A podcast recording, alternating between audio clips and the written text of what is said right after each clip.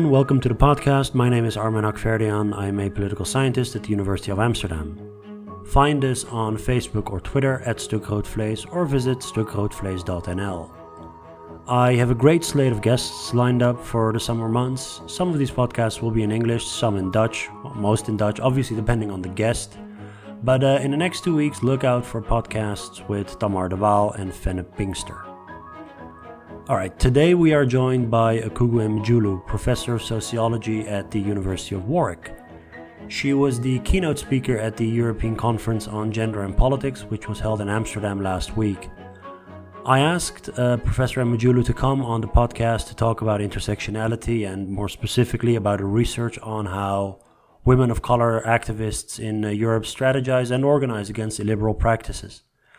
We also talk about lots of other stuff, including the so called arms race in academia, intersectionality and academic feminism, the invention of race and the concept of whiteness, and much, much more. Akugo has written extensively about all these topics in numerous books and articles, and uh, if you'd like to follow her work, I'll link to her website in the show notes. And uh, you can also find her on Twitter at Akugo Emejulu. So, if you would like to keep up with research, teaching, and events on related matters at the University of Amsterdam, please feel free to check out the Amsterdam Research Center for Gender and Sexuality, ARCGS and um, there's also the recently founded European Journal of Politics and Gender, which publishes peer reviewed research in the field of gender and politics. And both of these are really worth a visit. I'll link to, the, um, to their websites in the show notes. And finally, let me thank my UVA colleagues, Sander van Oost and Liza Mügge, for getting me in touch with Akugo and uh, also with some guests that will feature future episodes. So, uh, you know, stay tuned for that. But now, without further ado, here's Akugo Emejulu. Okay, everyone, I'm joined by Akugo Emejulu, uh, professor of sociology at Warwick University. Thank you so much for joining us. Thank you for having me. How's the conference been thus far? It's been really interesting. Yeah, I, you really see that there's been a big change so, um, over the last, especially four years, that we have an expansion of talking about intersectionality, but in kind of ways that that center issues of race and ethnicity and religion. There's certainly more women of color scholars here, and there's been um, the stream on gender and sexuality that is vibrant vibrant and some of the most interesting conversations are happening in that stream. So it's very interesting. And so the organizers have worked hard to try to expand the conference. And I also uh, noticed a lot of uh, career events for um, early uh, for young scholars, for early career scholars, for yes. PhD students, and and, and others. Um, that, I'm assuming that's no coincidence that it's really important to get people into the profession. That's right. So the organizers from the beginning always had um, um, a pre-conference for early career researchers, PhD students, postdocs, and those in their kind of first years as assistant professors. And so that's continued. And for the last um, the previous con- conference and this conference, I, you know, had the opportunity to work quite intensely with the with the early career scholars, right. and it's been really interesting. Yeah, because you know you have to foster the next generation. Yes, for sure. and, sure. And for me, it's always been very important to kind of model for them what what it means to be a good colleague, what it means to be a good scholar, that because the way that universities are structured now to encourage us to be hyper competitive with each other, it means that we don't build kind of community and solidarity in academic spaces. So for me, it's very important to kind of get to early career scholars um, as early as possible to say there's another way of being an academic. Right. I think that's really important. Mm. Uh, I'm very happy that this conference does that more so than I think many other conferences I've been to. Absolutely. Um, well, especially given representation of people of color and, and, women in academia, I think it's really, really important. I'm very happy that you're doing all that hard work. Uh, do you, do you feel um, that these younger generations um, that they are they well, I, I, don't want to say frustrated or put off, but is there something intimidating about entering academia now that wasn't maybe the case when you know 20 years ago i mean how has this changed because i supervise quite some master students who then want to go on into academia mm. and sometimes i feel hesitant to tell them how um, difficult it might be to get a position mm. or to mm. advance through academia how hyper competitive is as you yeah. said do, do you feel any of that anxiety when you talk to them well, I hmm. well, they're two different things, right? So there, you know, so for the scholars I've been working with, there's been uh, they've they're demanding more. So not not in the way we might think of it because of student fees and all the rest of it. So they have this consumerist mentality. It's not really that. It's um, uh, your audience might know about this um, th- this movement to decolonize the curriculum and decolonize universities, and so they're kind of demanding more from us to say we don't want to just keep reading the same old people. We know that there's really interesting work happening outside this narrow idea of what the discipline is, and so you know, and so in that way they're kind of demanding, um, and that and and depending on who the scholar is, they're kind of getting that or not getting that, and where they're positioned.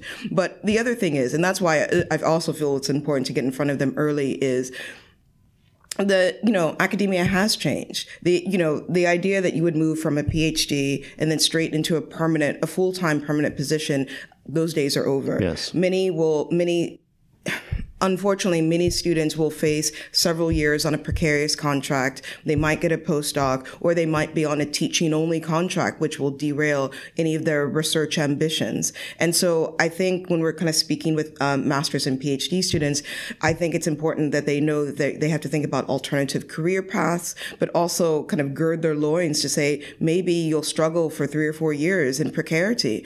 And that's when I, you know, say to folks, I can't, you know, we need you in academia, but there's a price, there's a, a there's a higher price to be paid now than there has been in the past. Yeah, yeah, and also the hyper competitive the hyper competition that you were talking about mm. is it's I, I I haven't been in academia that long. I mean, I I graduated in in 2010, or at least uh, that's when I was awarded my my PhD. So I've been I've not even 10 years. Yeah. In that 10 year span, if I look at the resumes of people that are applying for PhDs now compared to my own resume when I was applying, Yes. it's a world of difference. People Yes. already have research experience and publications before their PhD Yes. uh, position. So the competition is so severe that the, the levels have gone up as well. Yes, that's right. Well, we finished. I finished my PhD in 2010 as well. Okay. Um, and I call this what we're witness- witnessing the academic arms race. Yes. Because you know It is an arms race. it's yeah. crazy. And so um, I was actually speaking to a student here who's at the University of Amsterdam, where she's doing a PhD by publication. And so by the end of her PhD, she will have published, she was saying, uh, her PhD is essentially three to four peer reviewed journal articles. And I was, and my eyes widened when I was speaking to her because I'm thinking of my PhD students where I'm like, maybe you should get, you know, it's important for you when you finish your thesis to get one publication out and then as quickly as possible turn your thesis into a book. But when they're on the job market, there's no way that my students are going to be able to compete with her because she already has a plethora of publications and she's not even in her first job. I mean, that's incredible in some ways, but also I, I almost feel sorry for students that they're living under this regime that, you know, they're already in the mill of having to publish, publish, publish, you know, rather than say, let me create a, this, let me, let me write a thesis, uh, which is coherent, which stands on its own as a book or a monograph, or or this this idea of a, a collection of thoughts and critiques that it's its own body of work. That is something I know I sound very old fashioned, but like I think that's book. like, I know. How dare you? I know, but I kind of feel it's like that is a, a an important discipline to Yes. learn um, that I'm I'm you know of which and thinking in book form is very different than thinking in eight thousand words. Yes. you know, and I think that's important for us to to to try to hold on and to preserve that. I understand why that's happening because they're trying to maximize her chances on the labor market. But what I also think is we're kind of losing something in terms of how about slow academia of thinking about of of taking that opportunity to recline to rest to think and to think through things that isn't always on a publication schedule Yeah. Now, one thing uh, that, that that Dutch academia has moved into, unfortunately, uh, is that most of the PhD positions that we have now are linked to uh, projects of senior academics. Of the way that that funds are being distributed, um, you get a big research project which might have a few postdocs or PhD uh, positions, and then when a PhD uh, candidate begins, it's already within a research project, so it's already partly so the intellectual property is already partly, uh, you know, shared. Yes. And it's within. It's it's kind of a collaborative exercise. Whereas I, I did my PhD in the UK, and uh, there I was just I was a student writing a book, as you said. There was no there was no way that I was going to collaborate with with my supervisors because Yes. that was simply not an option. Yes. So the model is very different here, and that I think, but it does lead to this arms race of publications. It, they won't be four single author publications though. So pa- some of them are going to it's it's going to be collaborative work. Yes. Some some, but um, it is uh, quite different to ten years ago, and even. So 20 years ago, where people could become a professor without having a PhD. Absolutely. I mean, things have changed so rapidly. Yes, yes. Um, well, I just want to go back to what you were saying about um, how many students are, are connected to a supervisor's, you know, Marie Curie project Yes. or like, or, you know, European Research Council project. That creates all kinds of problems Yeah. in terms of the power dynamics between the student and the supervisor. Because I, I always tell my students that in the PhD process, there's this dance that happens that at first, you know, uh, you know, I'm kind of guiding you, but then something will happen, especially after you've entered the field and you're collecting data and all the rest of it. You then become the expert and you're telling me Yeah. what's going on because this is, and that shift in power is actually very important. But it isn't clear to me that can always happen. And that sense of independence and one coming into themselves as an academic can happen if you're always connected to someone else's project. Will you be able to speak back? Will you be able to critique? For some supervisors, yes, you will. But for others, it's about shut up, do your job, get this publication out. And I worry about that. I worry about that. Sometimes, I mean, you run the risk of uh, being a glorified lab assistant yes. rather absolutely. than, you know, Yes, and especially in the social sciences, this um, this the ways in which um, how the hard sciences organize themselves are now starting to discipline us, and I think that's a huge problem. Yeah. This was supposed to be an introductory question. we're already we're already ten minutes in.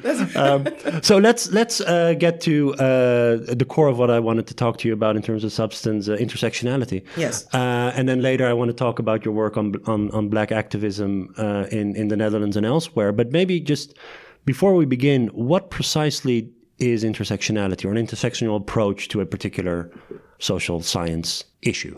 Sure. So when we talk about intersectionality, we're talking about how does race, class, gender, sexuality, disability, how do they interact in ways that privilege some groups and disadvantage others? It's as simple as that. That's it. That's it.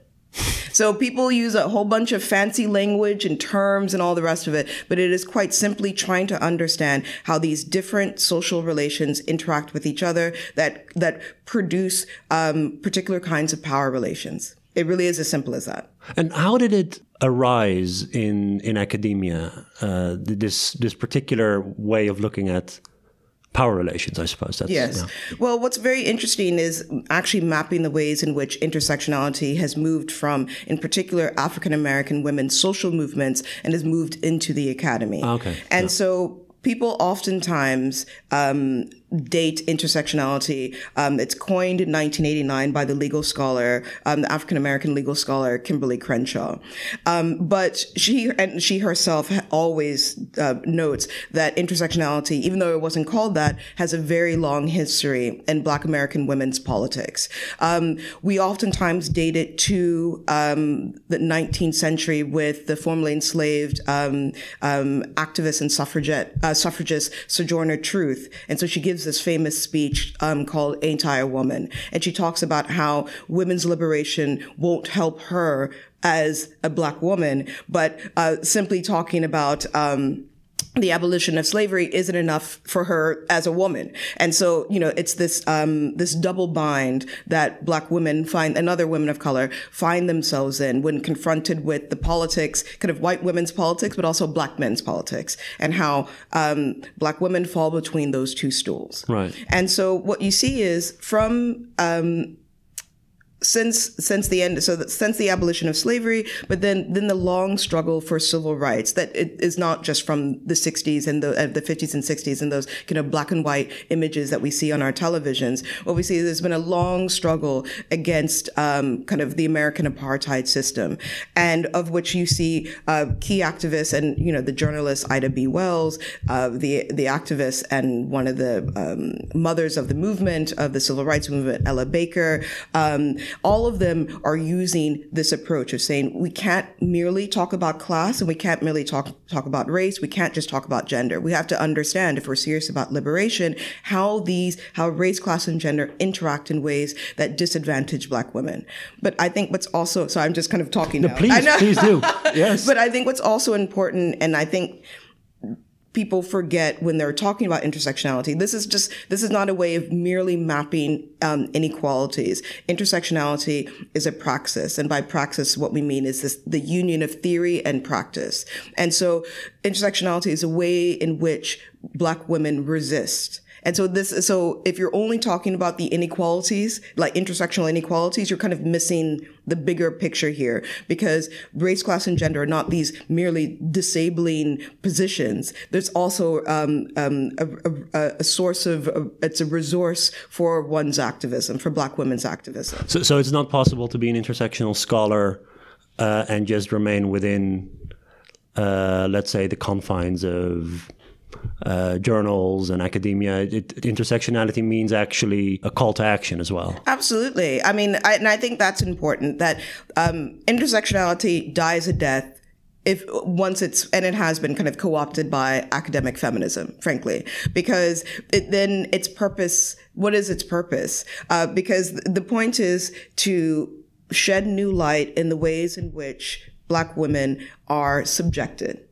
but that's not that's never been enough. And kind of if we if we take the activists seriously then we know that we actually have to what action needs to be taken. And if you're only just kind of writing about oh isn't this terrible but not saying what do we do? How do we intervene in the world and say what are our public politics? Then it isn't clear to me that this is a, any useful form of um, or even a, um, I, it isn't clear to me that's even doing kind of intersectionality in a way right it has to be for me it has to be oriented to some kind of public politics and is it possible to uh, do intersectionality without including, let's say, gender? So let's say if you're if you're interested in the current uh, predicament of social democratic parties, mm. which are in electoral crisis mode. And of course, there's a very strong current in media and also in some academic circles that they have lost the working class. Yes. And in order to regain the working class, they should adopt more nativist policies, etc., etc. Yes. Um, I was talking to a colleague of mine uh, from Zurich, Tarik Abou-Chadi, who said, "Well, that presupposes the working class is white." Exactly. Um, but so this is about an intersection between class and race, mm. without necessarily including gender. Is that already intersectional? If you only talk about sort of white working class versus non-white working class, or is gender so important that it actually should also feature in this um, analysis, let's say. Yeah, I mean, I think what's really important about intersectionality is that it insists in some ways on this triumvirate of race, class, gender. Okay. And I think that's very, very important because again, if you if if your intersectional analyses are grounded in the history of Black women's struggles, you hear Black women themselves talk about the importance of understanding um, the ways in which they're subjected by their class position, by their race, and by their gender. So being positioned at the bottom of the gender hierarchy, at the bottom of the racial hierarchy, but then also at the bottom of the class hierarchy. Right. And so what's very interesting when people talk about, um, or they kind of parody intersectionality, it's, it's almost as if, um, you know, they kind of make it out as if we're not talking about class. But what we're saying is it is a fool's errand to talk, to separate race, class, and gender. It is, for me, it is not possible. When we look at the history of capitalism, capitalism is so entwined with empire. It's, and, and the production of racial subjects that it's not possible. And so for us, we refuse this idea that one can separate race from class and from gender because they are dependent and, and are, and, and are co-produced by each other. And so to, to your point about the issue of, you know, what about the working class? You know, an intersectional analysis would say, are, are you joking? This is such a bad faith argument because what we know is when we look at who is working the hardest, who are the cleaners and the caterers, guess what? It's black women, it's women of color, and it's migrant women women. And so if you're, if you were serious about this argument about the so-called working class, you would actually see who is actually doing the, um, who's at the bottom of the class hierarchy, who's in precarious work, but also who has a collective, um, a collective social identity about being workers. That's black women and other women of color.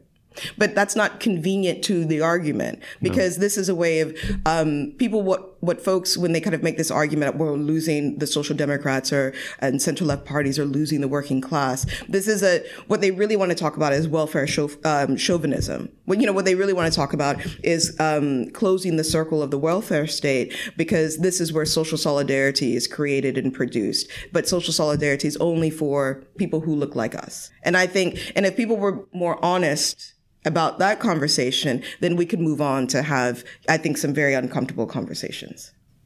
I uh, just a minute ago you said uh, so this this uh, try um, yeah the, the three yeah. most um, you know, let's say key variables race uh, gender and class mm. that you can be uh, at the bottom of the of the hierarchy in, in all three of them um, does it work in a way that that the let's say the the uh, the penalty i'm not even sure if you would call it a, a penalty but let's mm. say the uh, the oppression or the marginalization um, does it add up or is it is it about adding up the let's say if you apply for a job mm. uh, and you know you, you, there's uh, people have shown time and time again that there's also you know given given equivalent CVs experience expertise etc yes. some people are discriminated against over yes. others is it is an intersectional approach that you would add up these penalties or that that they magnify each other or or how, how does that work? Yeah it's more of a magnification. And so there's been this i find it quite a sorry for the people who wrote this paper but like a very boring debate about whether intersectionality is additive or cumulative okay. and all the rest of it. And i don't think that's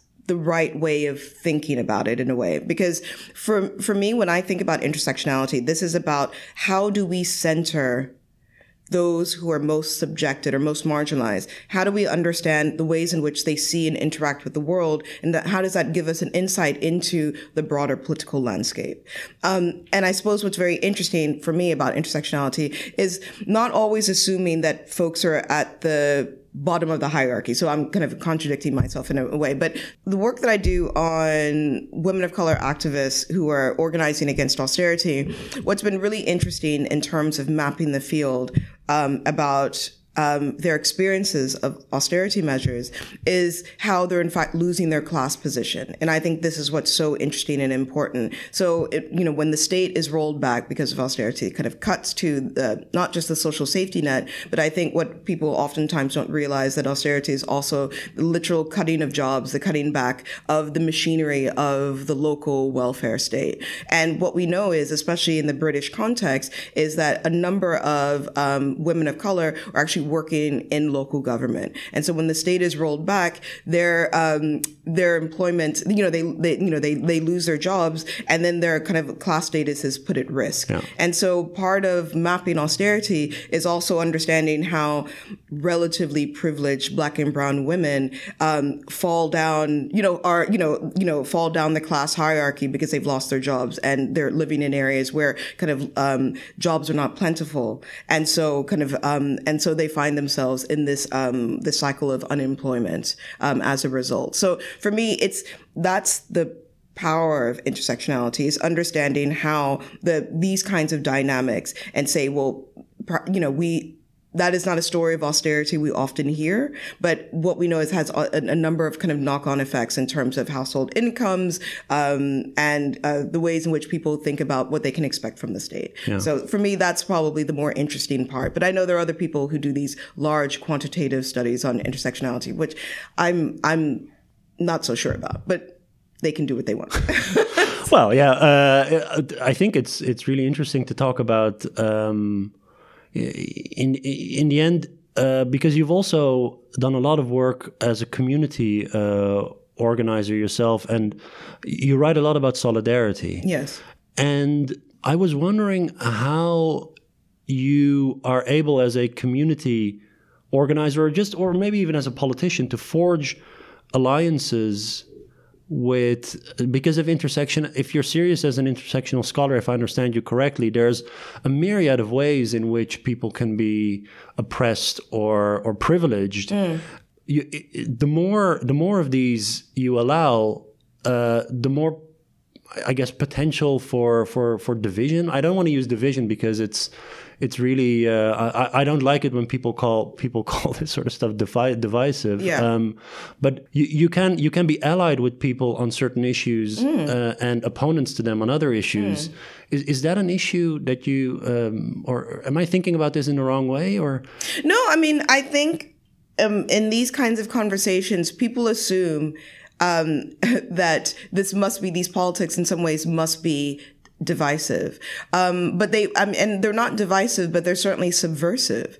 And so in a lot of the, um, in the activists I speak with in, in France, in, in the, in the Netherlands, in the UK, and also in the United States, what they say time and time again is when they're in kind of supposedly radical or revolutionary spaces on the left, you know, they're told to shut up about their race and they're told to s- shut up about their gender because that's somehow divisive to some sort of goal, whatever that goal is. And I kind of think if you're serious about liberation, then you should be able to accommodate these particular experiences. And so I guess I would question that. So, I mean, I guess one would call that device, divisive. I would call that subversive and trying to push left politics Yeah. to, to not, to actually, not to be more inclusive, but to have a broader imagination about what liberation looks like. So that's not even about an an inclusion. It's about, we have to think better about what the future society is. But in the day to day activism, I'm not sure um, that that necessarily is the case because the basis of solidarity is not necessarily um, one's oppression, but it's about one's freedom dream. And so it's about you know this having this idea of what is this future society that we're st- that, that we're working for. And if that is the foundation, then you see there are lots of opportunities to join together with others. And I've kind of seen that. I've kind of spent a lot of time mapping a um, uh, a feminist anti-austerity movement, uh, well, network in the United Kingdom that accommodates lots of different kinds of women. Like you know, so one of my um, one of my uh, interviewees said, "I've never met more aristocrats than being in this network," and so it accommodates kind of working class women as well as women of like elite positions, as well as different uh, across um, different races, different religions, all the rest of it, and they can mysteriously somehow make that work. And it's not a mystery because the point is, if you're if you're if the nature of your solidarity is for this group, it's about stopping um, the rollback of the welfare state because what they say is. Um, uh, because what, what they say is that, that women are harmed. Women die when the welfare state retreats. And so, you know, in many ways, that is their freedom dream to kind of defend, in many ways, I, I think quite a modest defending of the way things are, of trying to preserve the social welfare state. But that is enough to hold a very unruly group together. Mm. And they've been very successful in lots of ways. And, and, you know, if they can make it work, like this isn't rocket science, but, but you have to be open to say, right, when we say that the rollback of the welfare state disadvantages women, um, puts women in precarious position, puts women's lives at risk, we have to ask, well, which women? And, and, and some women are hit harder than others, but we can still articulate together it's a sol- um, solidarity w- with each other, but also for the affected women. So I don't know. I, I, but I feel like these kinds of conversations aren't possible if you actually want to have a conversation that class is the, you know, explains everything. Right. Do you know what I mean? I mean, it's so boring, but so obviously not true. Do you know what I mean? And it's, but, but it, but unless you're willing to have that kind of, um, more open debate, then, then I guess you will always see these politics as divisive. Yeah. Uh, maybe what I was trying to articulate was more that you can, so you can, for instance, be a uh, a black woman, but also have a privileged job as a professor, for Yeah. instance.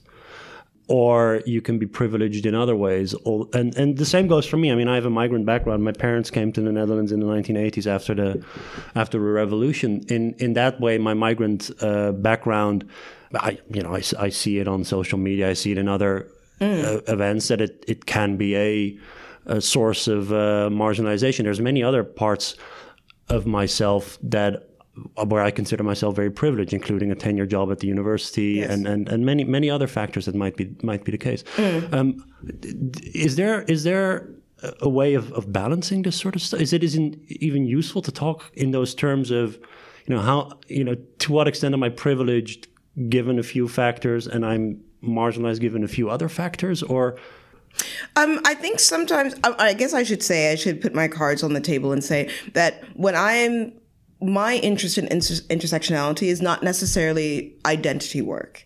I've never been particularly interested in that because I think it derails a conversation about talking about structural inequalities and and and, and structural power relations. What do you and mean so, by identity work? Oh, this so our conversation about being privileged in one way and disadvantaged in another. There are people who do um, this kind of work, which I find very interesting. But for me, it's for me, intersectionality gives us an insight into the way, you know, into the, the racial regime of a, of a certain society and how that is, or, you know, and how, um, that organizes social life. For me, that gives us, those insights are very, very interesting. So I'll just kind of say that as a, as a starting point. But to your point about the way that these different identities work. So, in a project I was working on, um, um, that was uh, you know mapping women of color's anti-austerity activism. This is also um, in the UK in London. Uh, I was speaking with an activist who was saying how you know she's. Uh, She's a woman of Asian descent and she's in quite a middle class position. And what she wants to do is use her class power in order to support, you know, poor and working class women, and, but in particular undocumented migrant women. And so what she does is she runs like a series of um, welfare rights, kind of, but undercover, like in, of, of, what she got funding to do, but she didn't tell her funder this is actually what she was doing mm-hmm. about talking back to the state. Right. And she actually named, she's like, I'm in this more powerful position. And so what I'm going to do is use my class power in order to kind of right. get into these rooms, get this money from these people in order to try to make these other women's lives better because that I feel as if that is my responsibility. And so what you see is um, activists themselves kind of talking through and thinking through these issues to say, well, I'm I'm privileged on one axis, um, but disadvantaged in another. But where I have that power, I'm going to use that to support others which I find very interesting. Right. My next question is is related to this: the role of, let's say, white people in studying intersectionality. Mm. Uh, do you have to think about or along the same lines when it comes to, and more in general, people from a privileged background studying, yeah, study, studying uh, other forms of um, oppression and marginalization. There's many white people in the Netherlands, for instance, studying, you know, decolonization, etc. Mm. Uh, does that have added uh, let's say problems or issues or is it also in, in terms of well these are people in a position of privilege that can use their privilege in order to um, make um, life easier for others who aren't yeah or yeah um so this is can be a kind of complicated thing. So I'll just say very clearly because I don't want anyone coming after me. People can study what they want and do what they want. So just I couldn't be clear about that because okay, I don't want anyone coming after me. But um, I'll say this that one of the controversies of in the ways in which intersectionality has entered into and been co-opted by academic feminism is this that when you see in particular white feminist scholars using intersectionality because this has been such an earthquake. It's been probably one of the most important developments in academic feminism over the last 20, uh, 30 years. So this is what, like, this is, so now this is now just part and parcel of how you do academic feminism is intersectionality, which is quite, it's, it's very, it's been very interesting kind of living through this moment kind of thing for it to be marginal and now it's just, it's mainstream. It's kind of everyday kind of thing. But with that co-optation has come some really ugly politics and to, and it's, and it's, most pronounced in um, in continental Europe, where you have a, a number of scholars um, who use intersectionality as a framework. But because race is not available in the public discourse, right? So you know, you, you know, it's illegal to co- collect data, you know, r- you know, racial statistics and all the rest of it, right? And so it's something that's disavowed and can't be used as a resource to understand inequality, right? We have to use um, proxies like my migration background or you know ethnicity or but you know which are not the same as race. And so what you see is because race is not available especially in continental europe that you see intersectionality being used that erases and evacuates race. And so you see kind of intersectionality being used to study kind of white middle class women which couldn't be further away from the origins of intersectionality which is about trying to understand how black women despite in spite of subjection can and can still undertake innovative and incredible activism for their own liberation and so for me people can study what they want, but they also have to honor the intellectual history and labor and, the, and tradition of the concepts that they're using. So, you know, and I suppose that's what I kind of, that's what I don't see happening. And I think that's a way of using um, concept. That's a way of using your position to kind of step on the next, and also to disrespect the history of um, of a concept that is in, in particular comes from social movements. And so that for me, that's a huge problem but there are opportunities um, to to um, for white scholars to use intersectionality in ways that that support and resource kind of activists and all the rest of it. So at our um, there was an award ceremony yesterday for um, uh, the European Conference on Politics and Gender, and there were PhD prizes. And so one of the PhD prizes was won by my colleague, and she's wonderful, kind of um, um, Orlando Sio. And she, um, so she she's a white woman, and sh- her work um, is this incredible work of um, understanding. Uh, politicians in the United Kingdom, but also um, elsewhere, um, their kind of intersectional analyses of, of, of their politics. Her work is fantastic. Like this is like a model of how one does intersectionality, especially kind of doing kind of elite politics, because oftentimes the you know one wants to use another framework and all the rest of it, but this is how you do this work. And I think her thesis is a model of um, kind of the best practice in this. And she's very clear about ensuring that kind of race does not get erased in these conversations, but also that whiteness is brought into focus. So it's this idea, it's not just people of color who are racialized, white people are also racialized. And so she works very hard to kind of talk about these issues. And I think that's um, a really great model of how to do this work. I was listening to another uh, speech of yours. Um, I think uh, there was a podcast um, on the LSE feed. You gave a talk there um, a few years ago, I think. Yeah. There was a question in the audience about um, race and mm. skin color. Mm.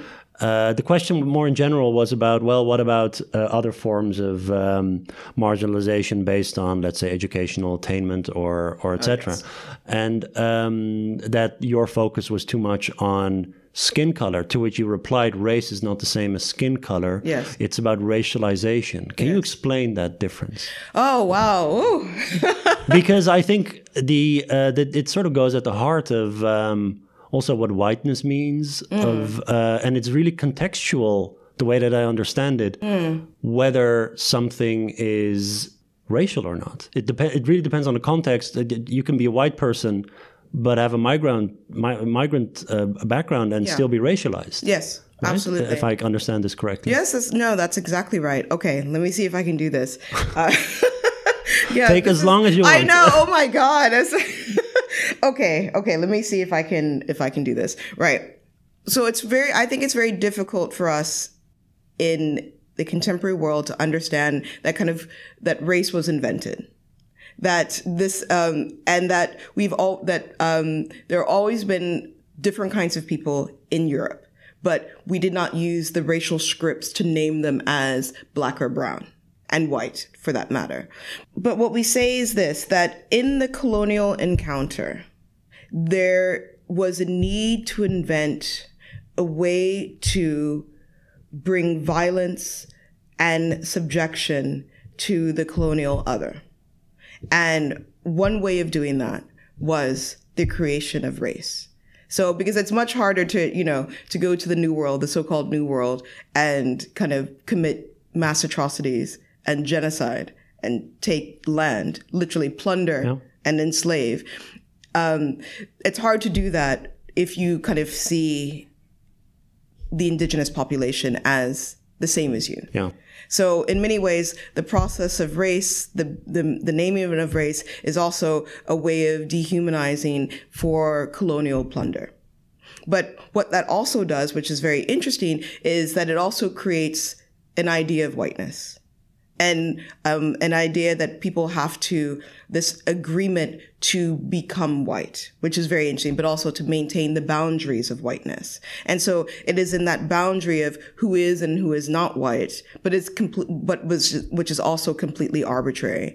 And so the best example of this, um, to show how these boundaries are porous and doesn't, and doesn't quite make much sense is at the moment and the experiences of, of East Europeans as they move from east to west, yeah.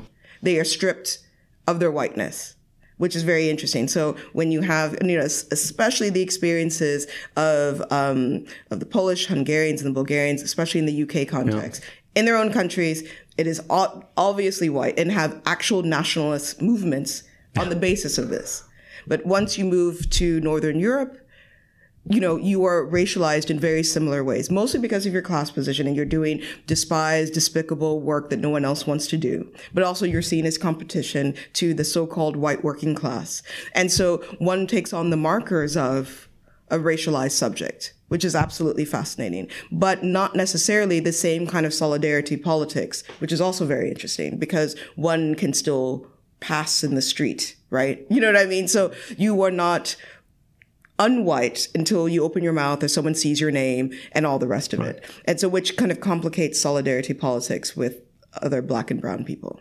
The reason I ask this is because when you were answering that particular question, I was thinking about my own background. Yeah. um, with a lot of these, uh, a lot of these debates, I try to uh, because sometimes they tend to be quite abstract mm. unless you apply it to yourself. Yes. So I try to sort of, or apply it to my family, yes. which is quite a complicated mix of people. Mm. Um, some live in the US, some live here.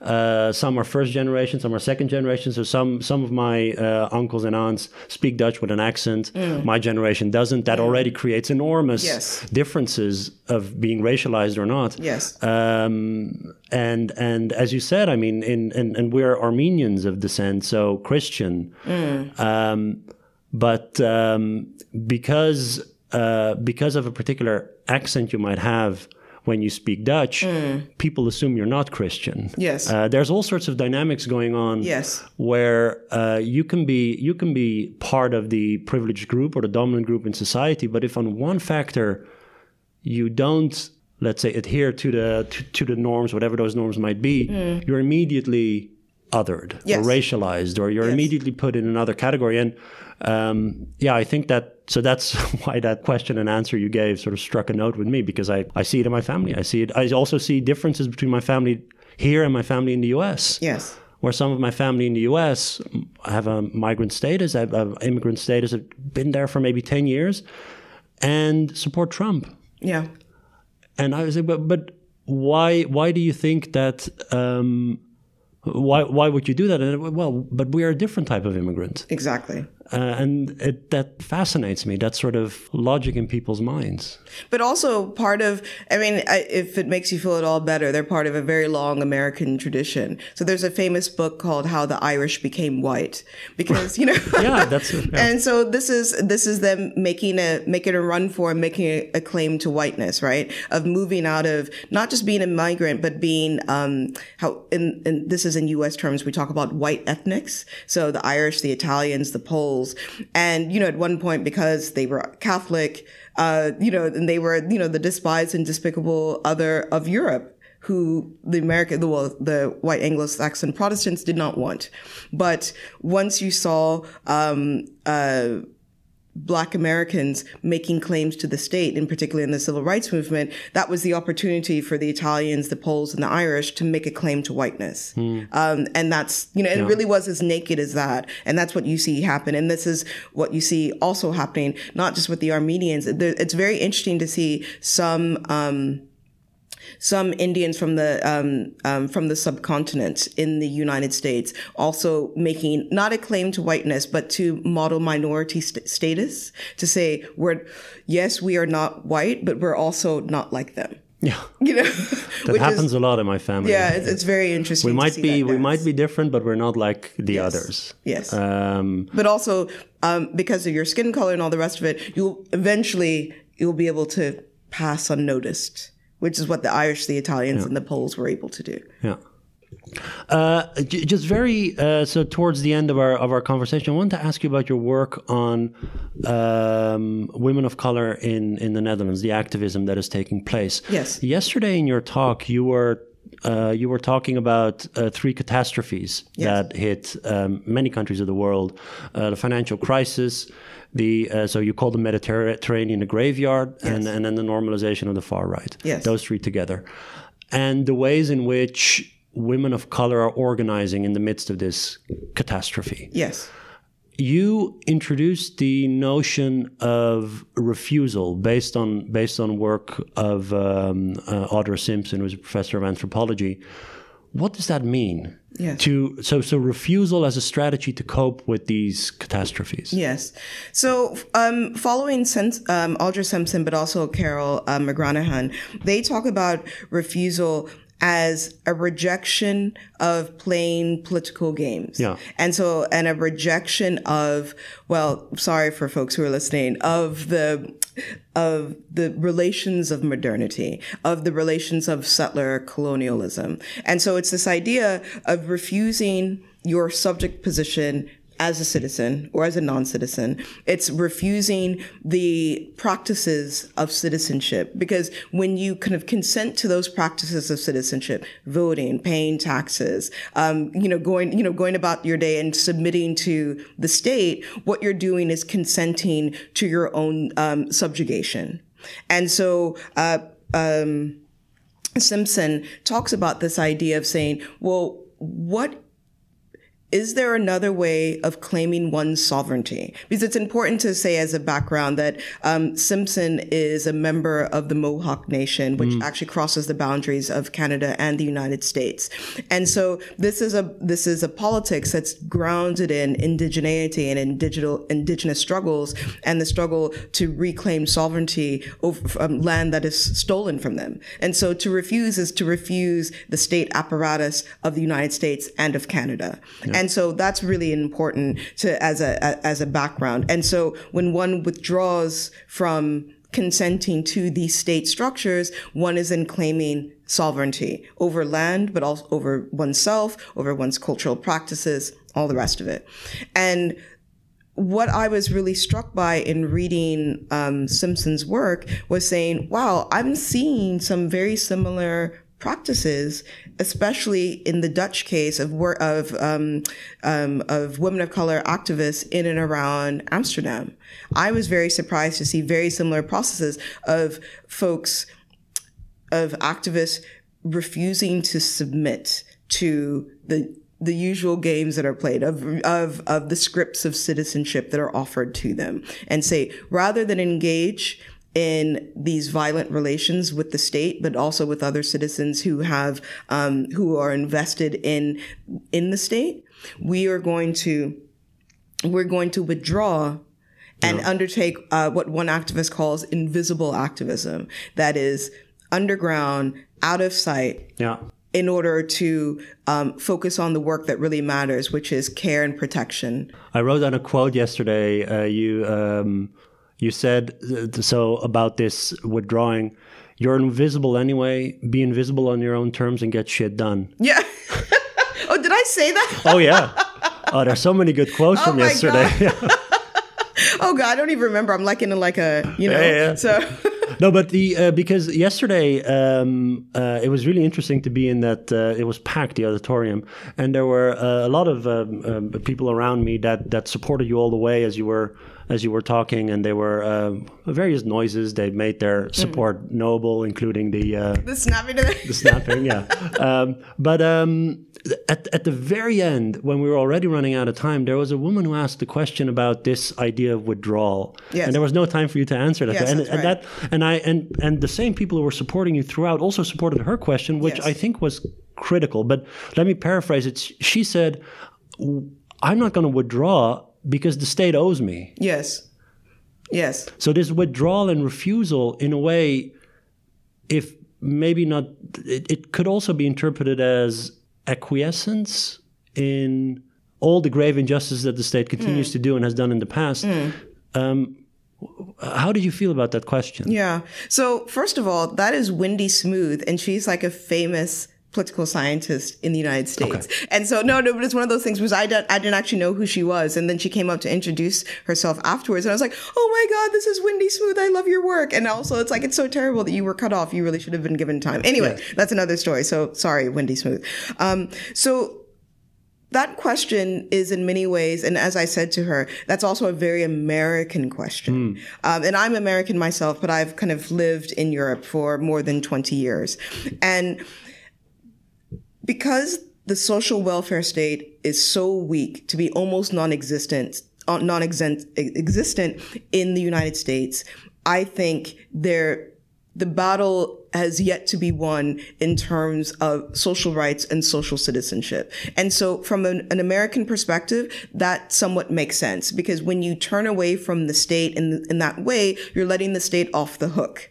Right. And yeah. so, and yeah. that makes sense. And this, you know, because, you know, we have no, um, universal health care, welfare benefits are low and terrible and all the rest of it. So it, you know, as anyone who knows who does, who has a glancing interest in the differing welfare state regimes, the situation in the United States, it couldn't be more different than what we have in the, in, in, in, in, in Europe. But, but even though the United Kingdom looks more like the US than, and, than continental Europe. Anyway, but I want to honor what Simpson is saying about the state cannot be the primary actor because the state is illegitimate. And, but, and more importantly, in the lived experiences, the state renders you illegitimate because you can't be accommodated in within mm the state. And so she wants us to think beyond against and beyond the state. And and you know, she makes the distinction. She's very clear about saying refusal is not the same as resistance. What Wendy Smooth was talking about is absolutely right. One must resist. One, one must resist the rollback of the state because as I was saying, my my activist in the UK says when the state withdraws, women die. And so that absolutely has to happen. But especially in the Dutch context, where the activists are working in a context of you know the, the the the debilitating and awful Zwarte Piet controversy, but also the ongoing um, issues of the um, the over concentration of, of of black communities and poverty and all the rest of it. I think in this kind of context, where even your kind of left wing allies appear to be against you, it, for me, it makes, it is a completely rational position to say, I'm going to withdraw and assert sovereignty over myself, and we are going to build something different.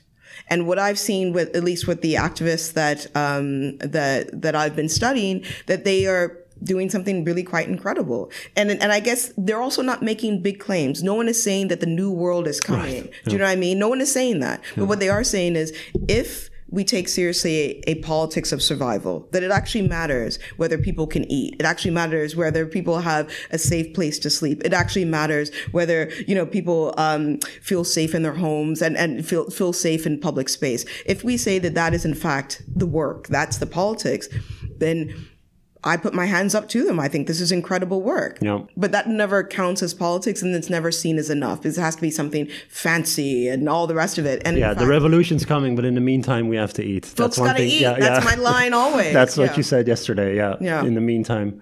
Uh, we're out of time. Ah, time flies. I have so many questions left, but I want to thank you for your for your time. Oh, I, uh, thank you so much. Thank you so much. Me. And uh, if people want to follow your work, um, uh, Twitter is the best way. I'm super active on Twitter, and so I'm at Akugo Emejulu. Um, uh, on, on the, I'm sure on the show notes you'll yes. have my you'll you, so you'll get the spelling of my name. But yes. also, I'm the only person named Akugo Emejulu in the entire world. So if you Google me, you'll find me. You'll find. Yeah, yeah. Anyway, thank you so much. Enjoy the conference. Oh, thank yeah. you so much for having me.